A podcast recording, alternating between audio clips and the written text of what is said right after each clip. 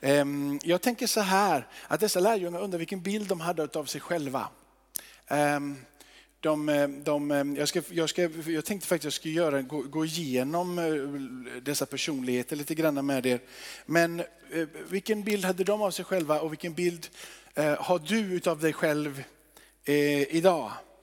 Vilka masker så att säga har du satt på dig? Vilken, eh, vilka masker har någon annan satt på dig? Vilken bild har du av dig själv och hur tror du att andra ser på dig själv? Och hur mycket av det formar dig till den du är? Och vad står du i detta?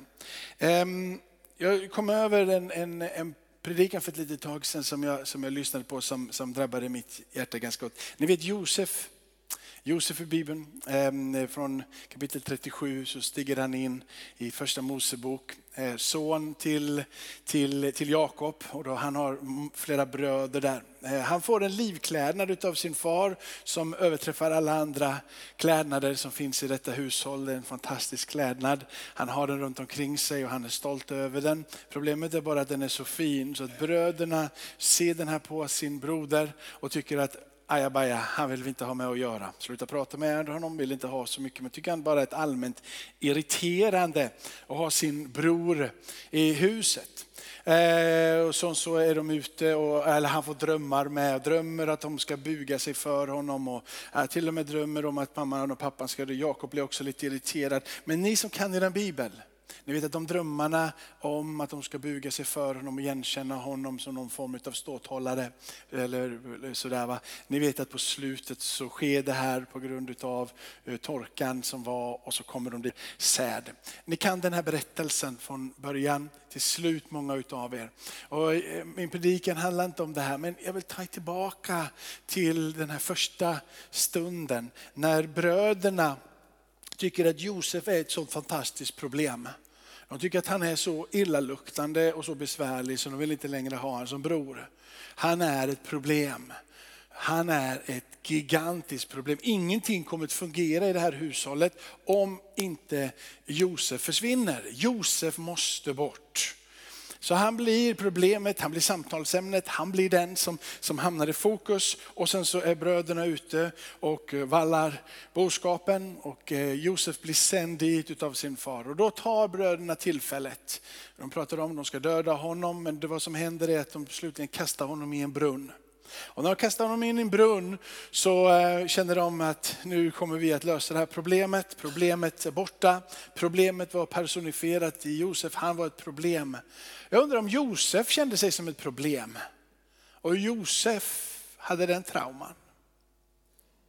Det som händer är i alla fall att ismaliterna kommer, midjaniterna, de är samma sak. Ismaliter och midjaniter är samma sak.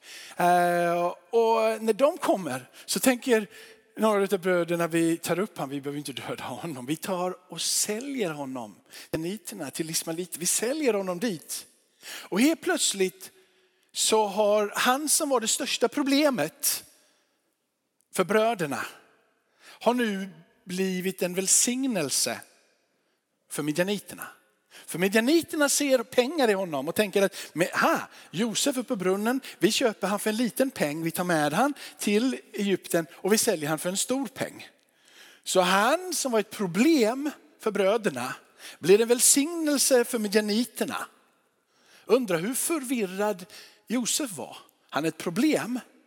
Sen är plötsligt så ser han några som ser han som en välsignelse. Han kan få inkomma pengar för dem. Undrar hur Josef reflekterar över sig själv och vem han känner att han är. Ni vet att när han sen kommer till Egypten och hamnar i Puttifars hus så tänker Puttifar om samma person. Han är mitt svar. Josef kommer in i huset och blir till en gigantisk välsignelse i Puttifar. Så pass bra sköter han det så han får ta hand om hela hushållet. Undrar hur Josef reflekterar över vem han är. Är han ett problem? Är han en välsignelse? Eller är han ett svar? Frågan är hur du reflekterar över vem du är. Känner du att du är ett problem? Känner du att du är ett svar? Har du någonsin varit till välsignelse? Alla dessa tre är i dig.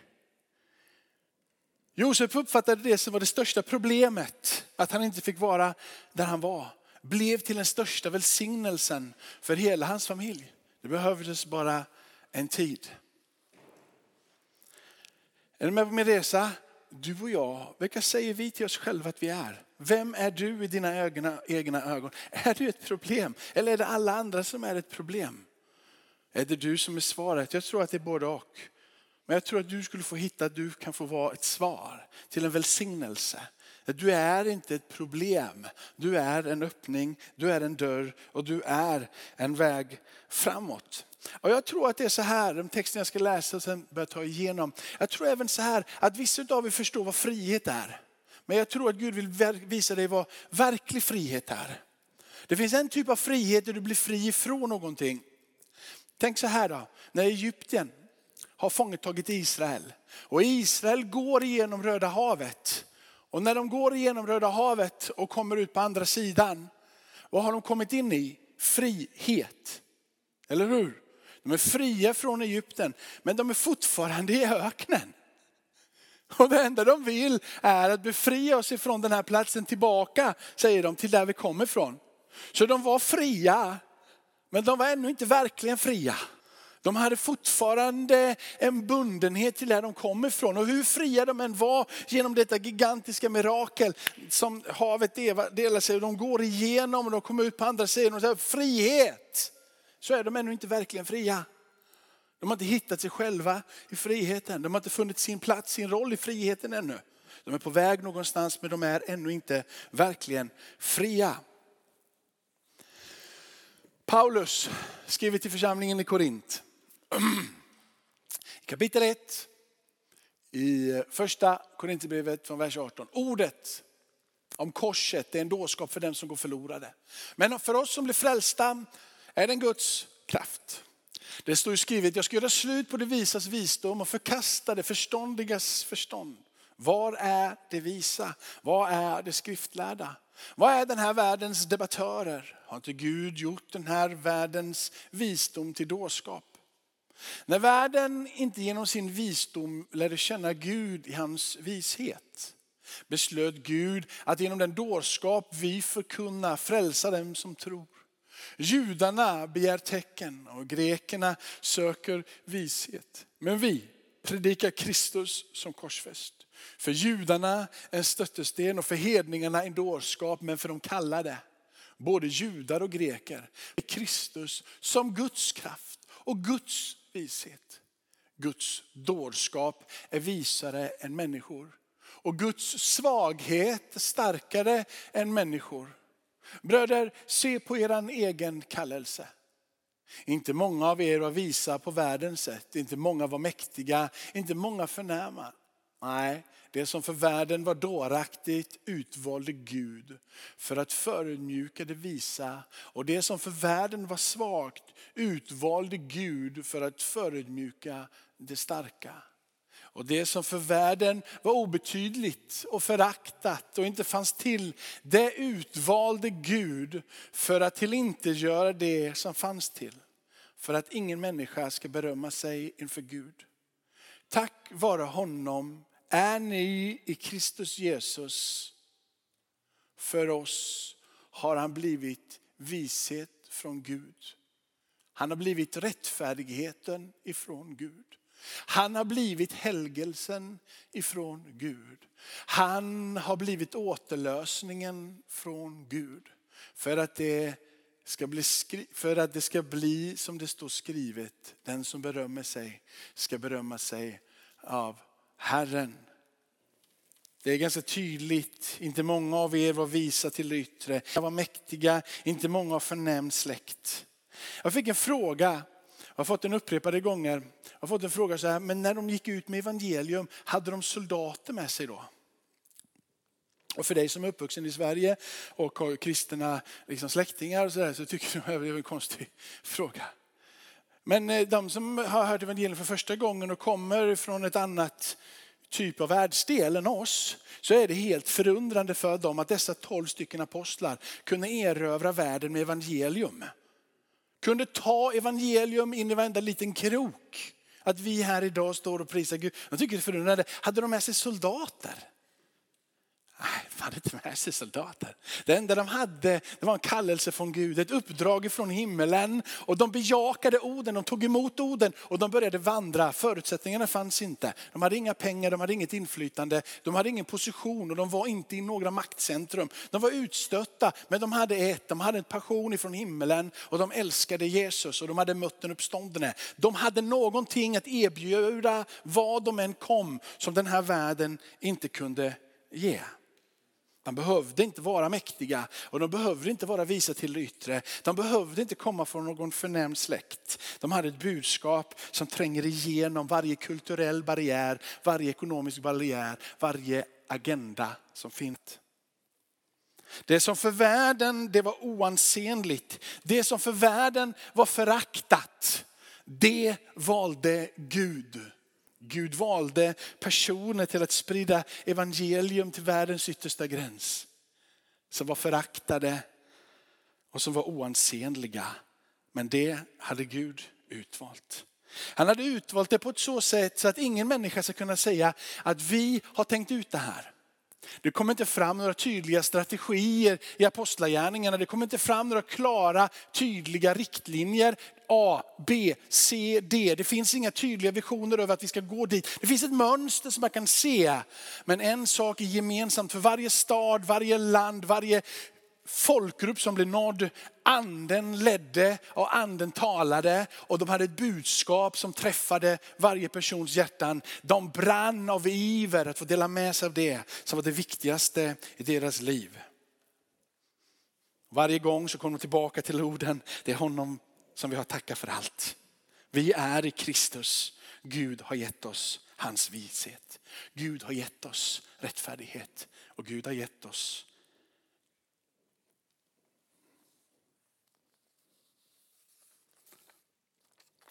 När Gud valde de här äh, enkla personerna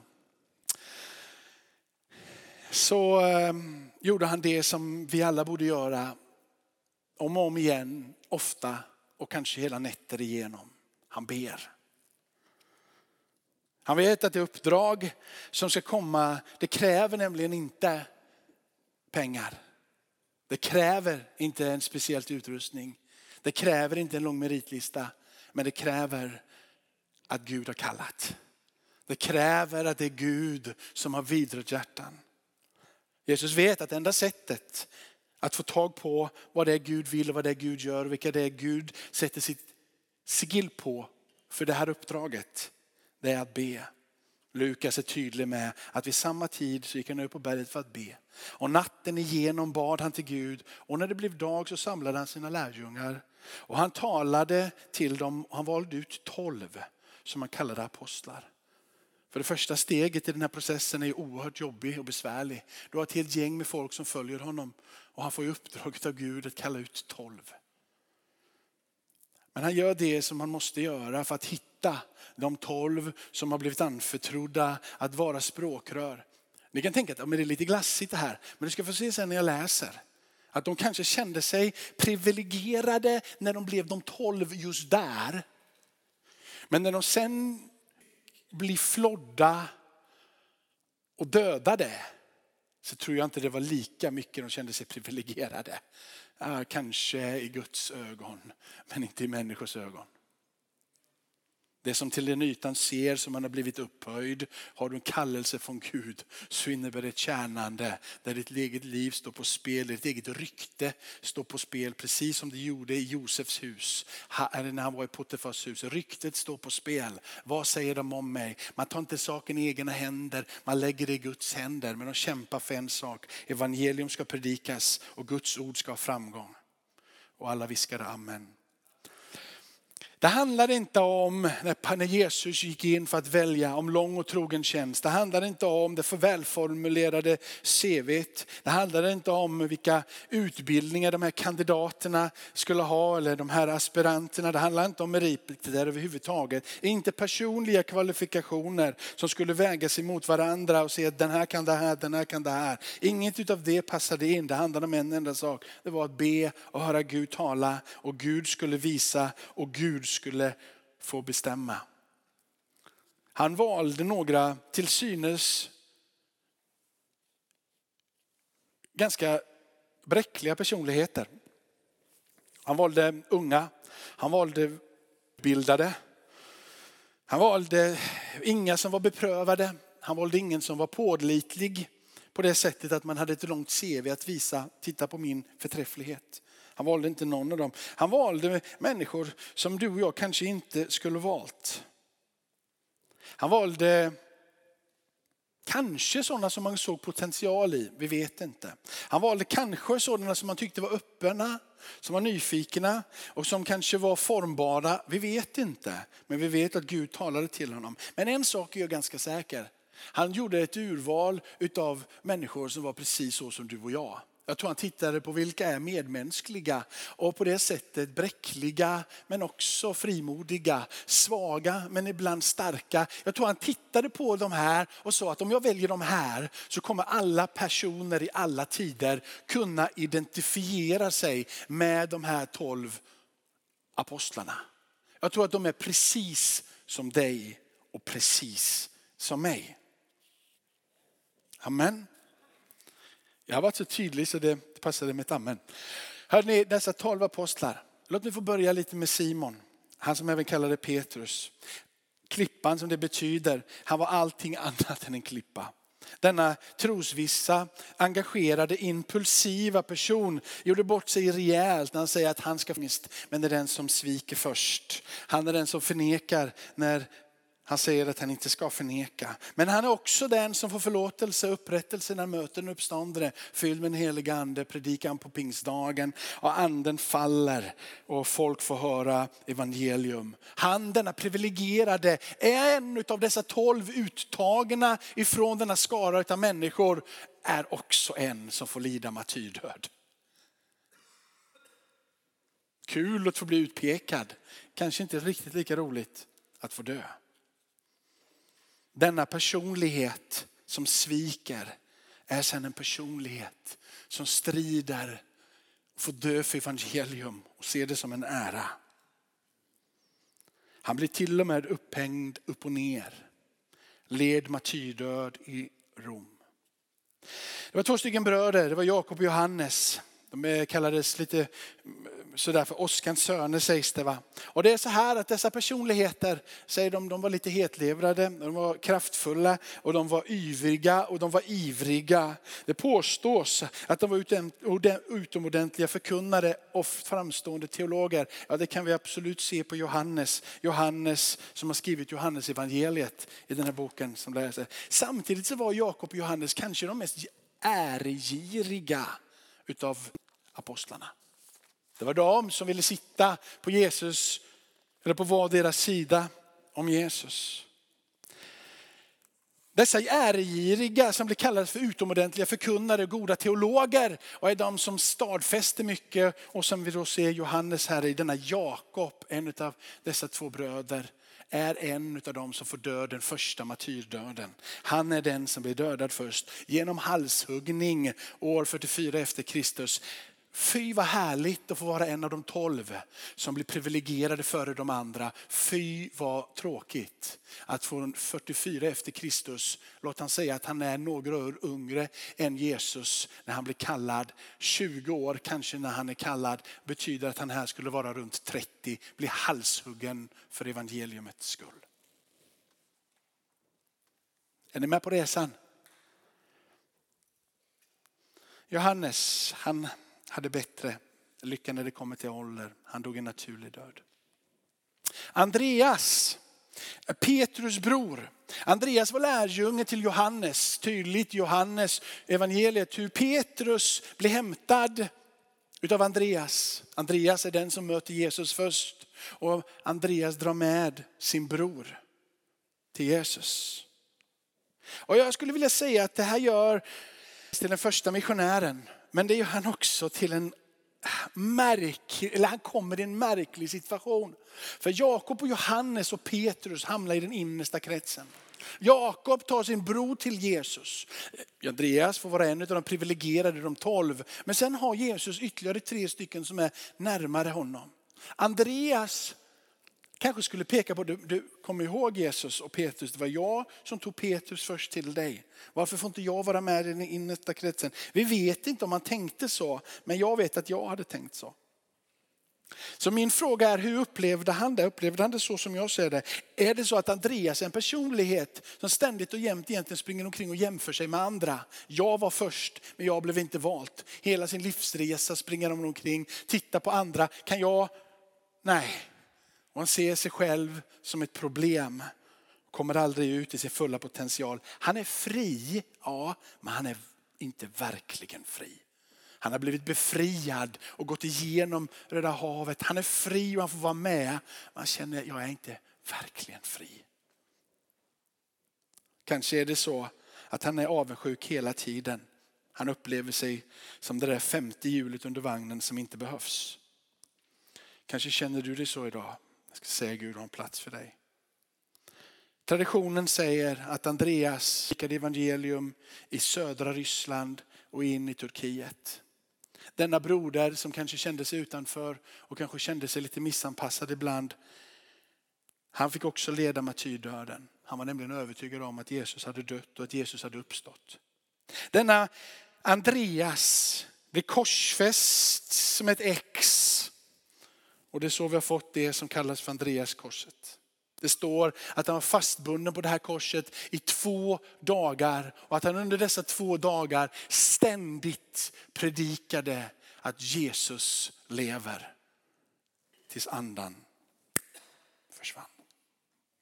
Filippos, denna fiskare ifrån Getsenarets sjö, samma som de andra för övrigt.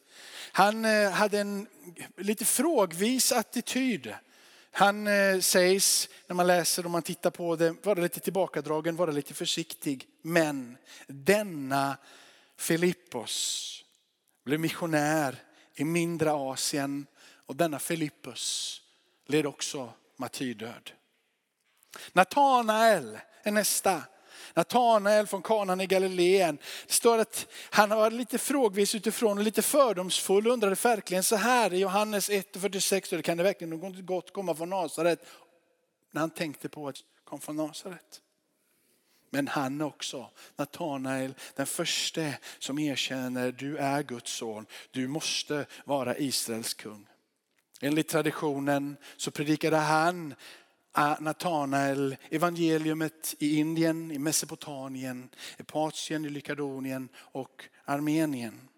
I Armenien så äh, led denna Natanael martyrdöden. Det står att han floddes levande.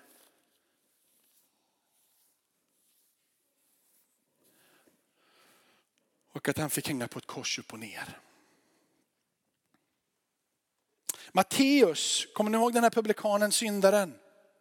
En föraktad typ, utstött typ. Han som inte fick vara med men hade gått med pengar. Han var tullindrivare, han hade skott sig på alla andra. Men på det sättet hade han hamnat utanför. Han är korrumperad.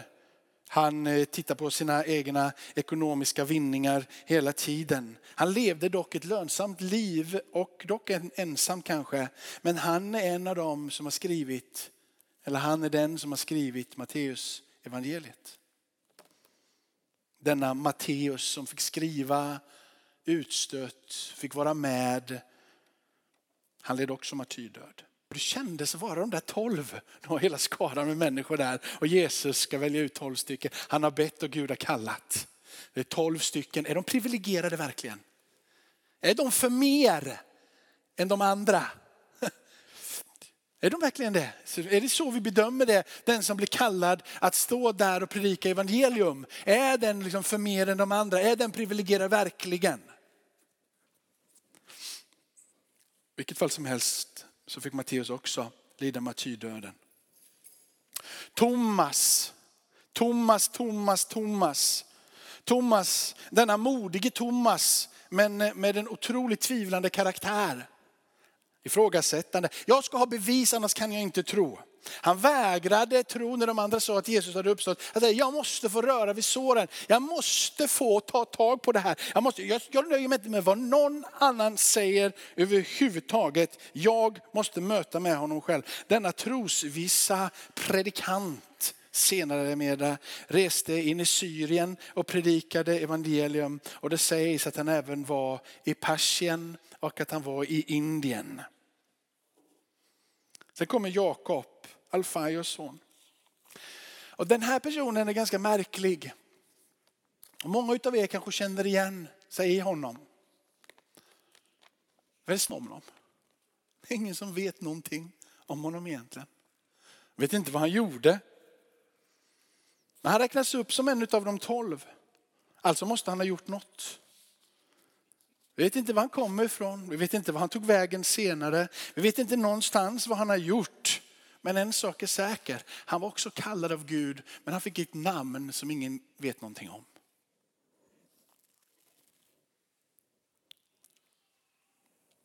Tadaios, som också kallas för Judas, Jakobs son.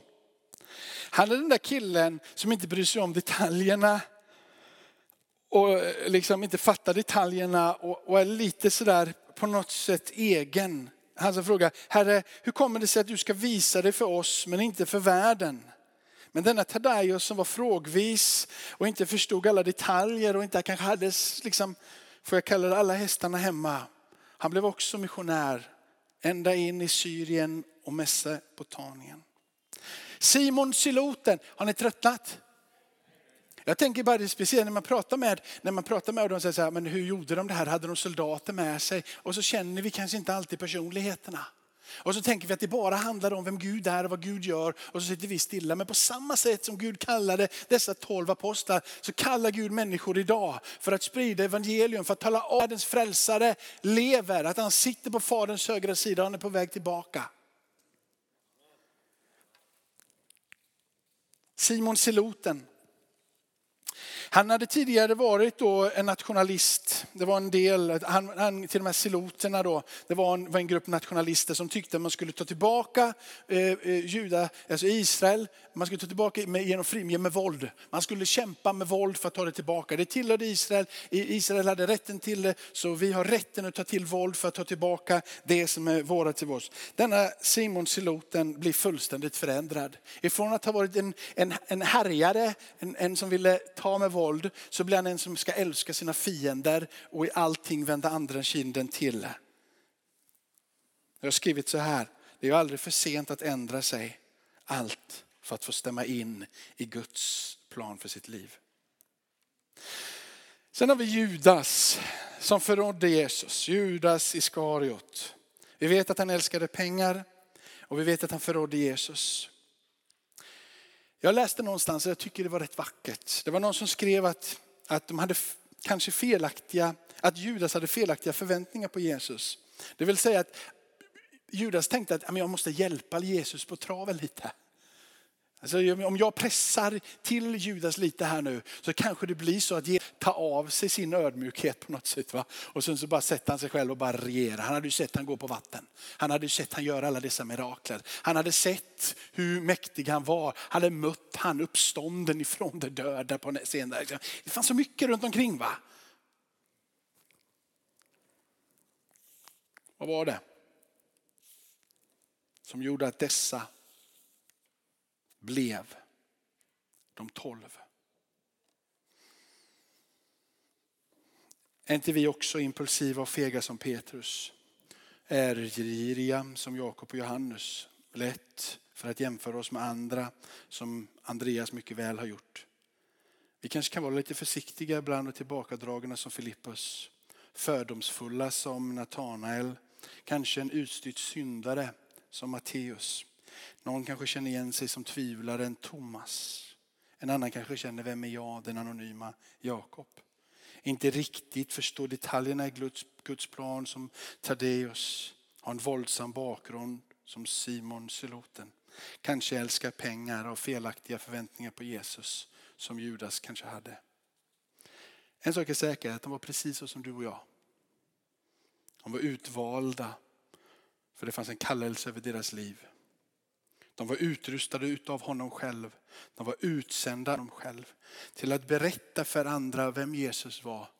Med sina brister, med sina gåvor, med sina ord och med de handlingar som följde när de predikade sanningen om vem Jesus är.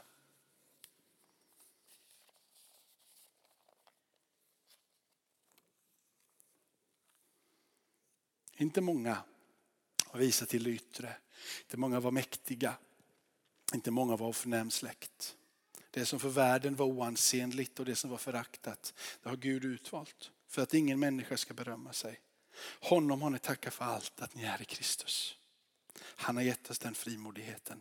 Undrar ifall det är dags att bara ta ett steg bort ifrån det som har gjort att du tror att du är den du är. Jag tänker på skillnaden mellan Mose och Josua.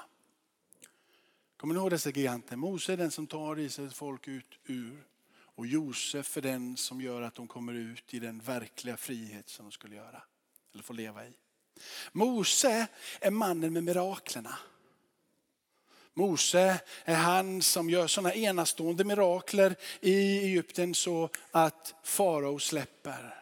Mose är den starke som får vatten att flöda. Mose är den som kallar ner bröd ifrån himmelen. Liksom. Mose är den här Rakelmannen, han är undergöraren. Och jag tror att det var så här att när han dör och Josef stiger in som efterträdare till honom så tror jag att många tänkte så här, Josua han var bra under Mose. Men hur i hela världen ska han reda ut det här? Hur ska Josua fixa det här? Han var inte känd för några mirakler när han steg ut i tjänsten direkt. Han var inte känd för att ha gjort någonting egentligen. Bara stått där som en av de övriga och kanske då den som har levt i uppenbarelsetältet mer än någon.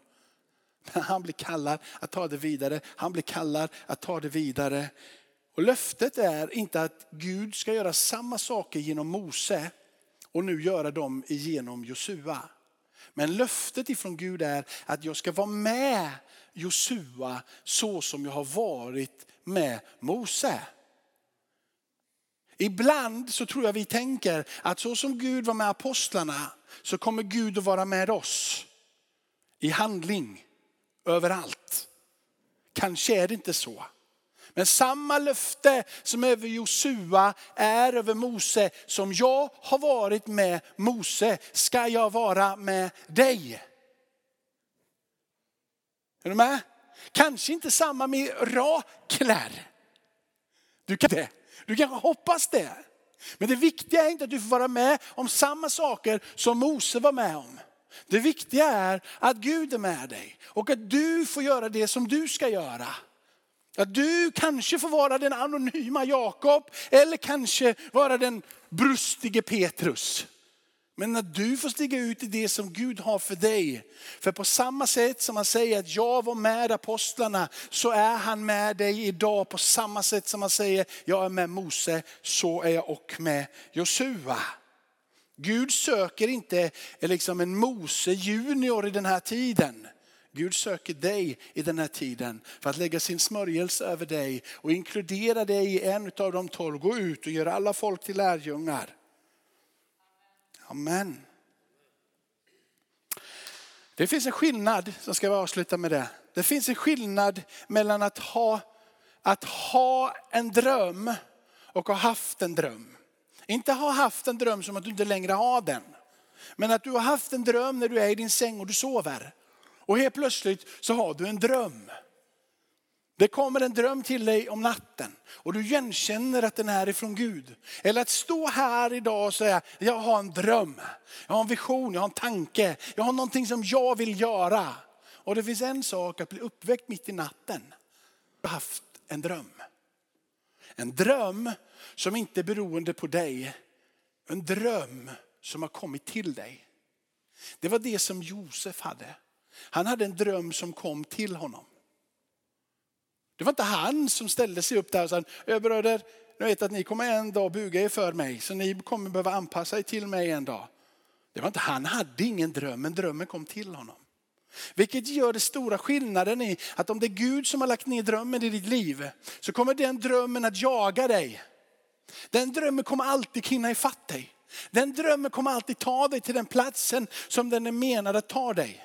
Men om det är du som har en dröm och jag har drömmen, så kommer du att få leva upp till den hela tiden. Du kommer att få kämpa. Du kommer att få hitta, är jag på rätt plats i livet? Kommer jag verkligen komma dit som Gud vill? Men om du är här och du har tagit emot någonting från höjden och det är Gud som är, så kommer Gud i allt. Det kommer följa dig. Det är Guds vision som äger dig. Det är Guds vision som tar dig till den platsen där du ska vara. När Gud säger gå ut och gör alla folk till lärjungar så är det inte din vision. Det är hans vision. När Gud säger att du ska lägga dina hand på den som är sjuk så är det inte för att du vill det utan det är först för att när Gud säger att du ska profetera för att du har fått profetians gåva så är det inte för att du gillar att profetera. Det är för att Gud har gett gåvan och för att den ska bygga hans församling. Frågan är om det är du som har drivkraften eller om det är du som har tagit emot övertygelsen. Låt Gud få ta, ta bort, ge dig övertygelsen så kommer du se den stora skillnaden mellan att vara i frihet och verklig frihet. Amen. Kanske blev lite långt, va? men Gud är med i det också. Låt oss be en bön och så, så går vi in i slutet här. Andrew får leda oss och vi sjunger några, några lovsånger, Robert. Och jag tror Gud om faktiskt att Gud vill väcka ditt och mitt hjärta. Det finns en hel stad som väntar på att få höra evangelium. Det finns en helt land, det finns en hel värld. Det finns så många andra saker man skulle kunna göra. Men om Gud har lagt en kallelse över ditt liv och du känner att det pulserar. Känn dig privilegierad kanske. Men förvänta dig inte att det är en dans på rosor. Jag ber Fader, få djupet av mitt hjärta. Tack för att du öppnar våra ögon. Tack för att du öppnar våra ögon. Vi Herre vill skifta den här stunden i våra insikter och i vår kännedom om vem du är och vad du har kallat oss att göra. Från djupet av mitt hjärta, drabba oss den här stunden. Drabba oss den här stunden Herre. Drabba oss den här stunden. Väck på insidan av våra hjärtan hungern och iven att predika evangelium var vi än kommer. Att vi får känna oss privilegierade, att vi har fått en befallning ifrån höjden och att du också backar upp den befallningen. Att den här drömmen om ditt Guds rikes utbredande, det är din dröm och det är din vision. Tack för att du leder, för ditt namns skull. Amen och amen och amen.